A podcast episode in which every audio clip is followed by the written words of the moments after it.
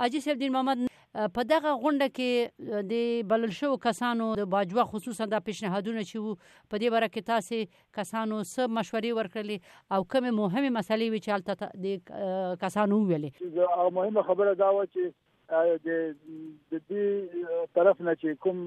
اشرف غنی خبرې کړې وي او یا د مشرانو ورته خپل کوم رائے ورکړه هغه هم دا و چې اوله خبره دا و چې د په هر صورت کې که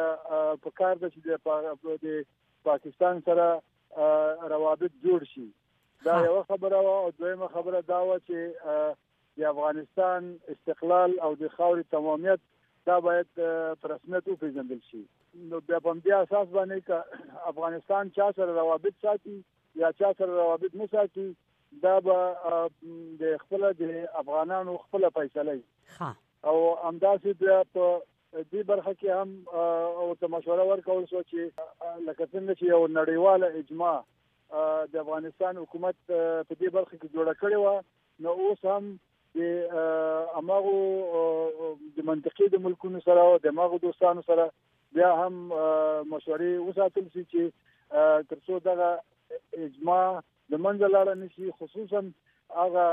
داسې یو د خبرې داسې یو خبرې نه چې مونږ ته یو غږ جګ چې خبرې شروع شي هغه فشار نړیوال فشار چې په پاکستان باندې راغلی دی هغه فشار لري شي او بیا بل ورځ بیا هغه زړه خبره وي ها نو نو د دې لپاره دا دا خبره و چې باید نور دوستان هم په اعتماد کې واخیستل شي او دا په مجموع کې وایي چې پاکستان زمونږ گاونډی دی زمونږ افغانونه دا لرو خو ضرور ده چې افغانستان او پاکستان هم سره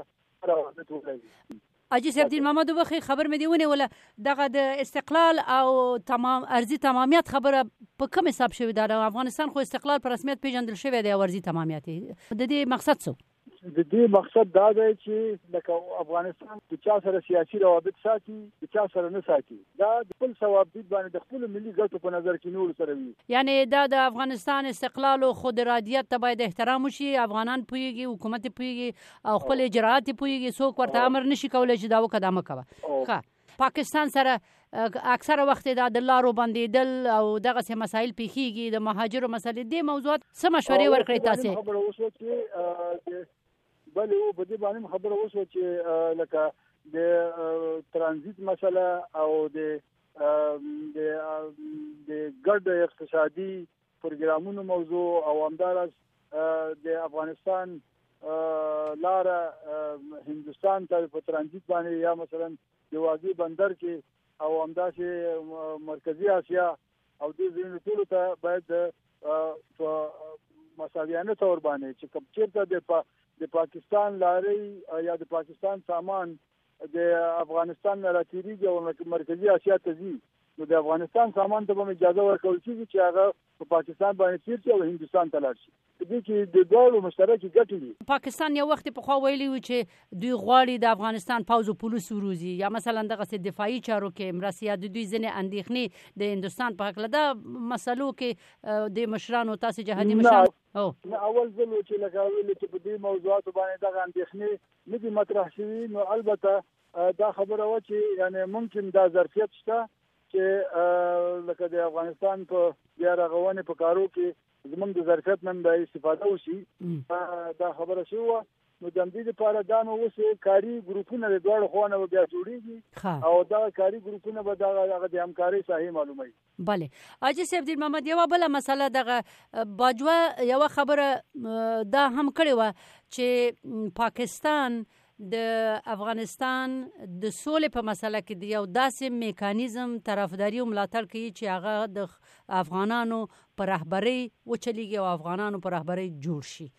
د د سولې په خبرو کې دسې کوم خاصه مشوره تاسې ورکړه چې د طالبانو سره څنګه سوله وشي پاکستان څه وکړي تاسې جهادي مشرانو څه مشوره ورکړه نه بلکې دا دا دا دا, دا مشوره ورکول سو چې طالبان افغانان دي د افغانستان خلک دي نو دوی سره دی د افغانستان تر لوري دا د هغه سره خپل روابط ساتي او د هغه د د اعتراضاتو د انتقاداتو د هغې د هغه دې وڅېړي کوم انتقادات چې رښتیا دي د هغه کې به د حل لارې ولټي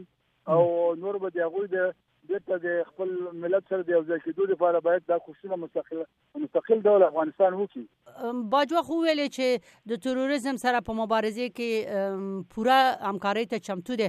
دغه خاصه مسله خصوصا چې افغانستان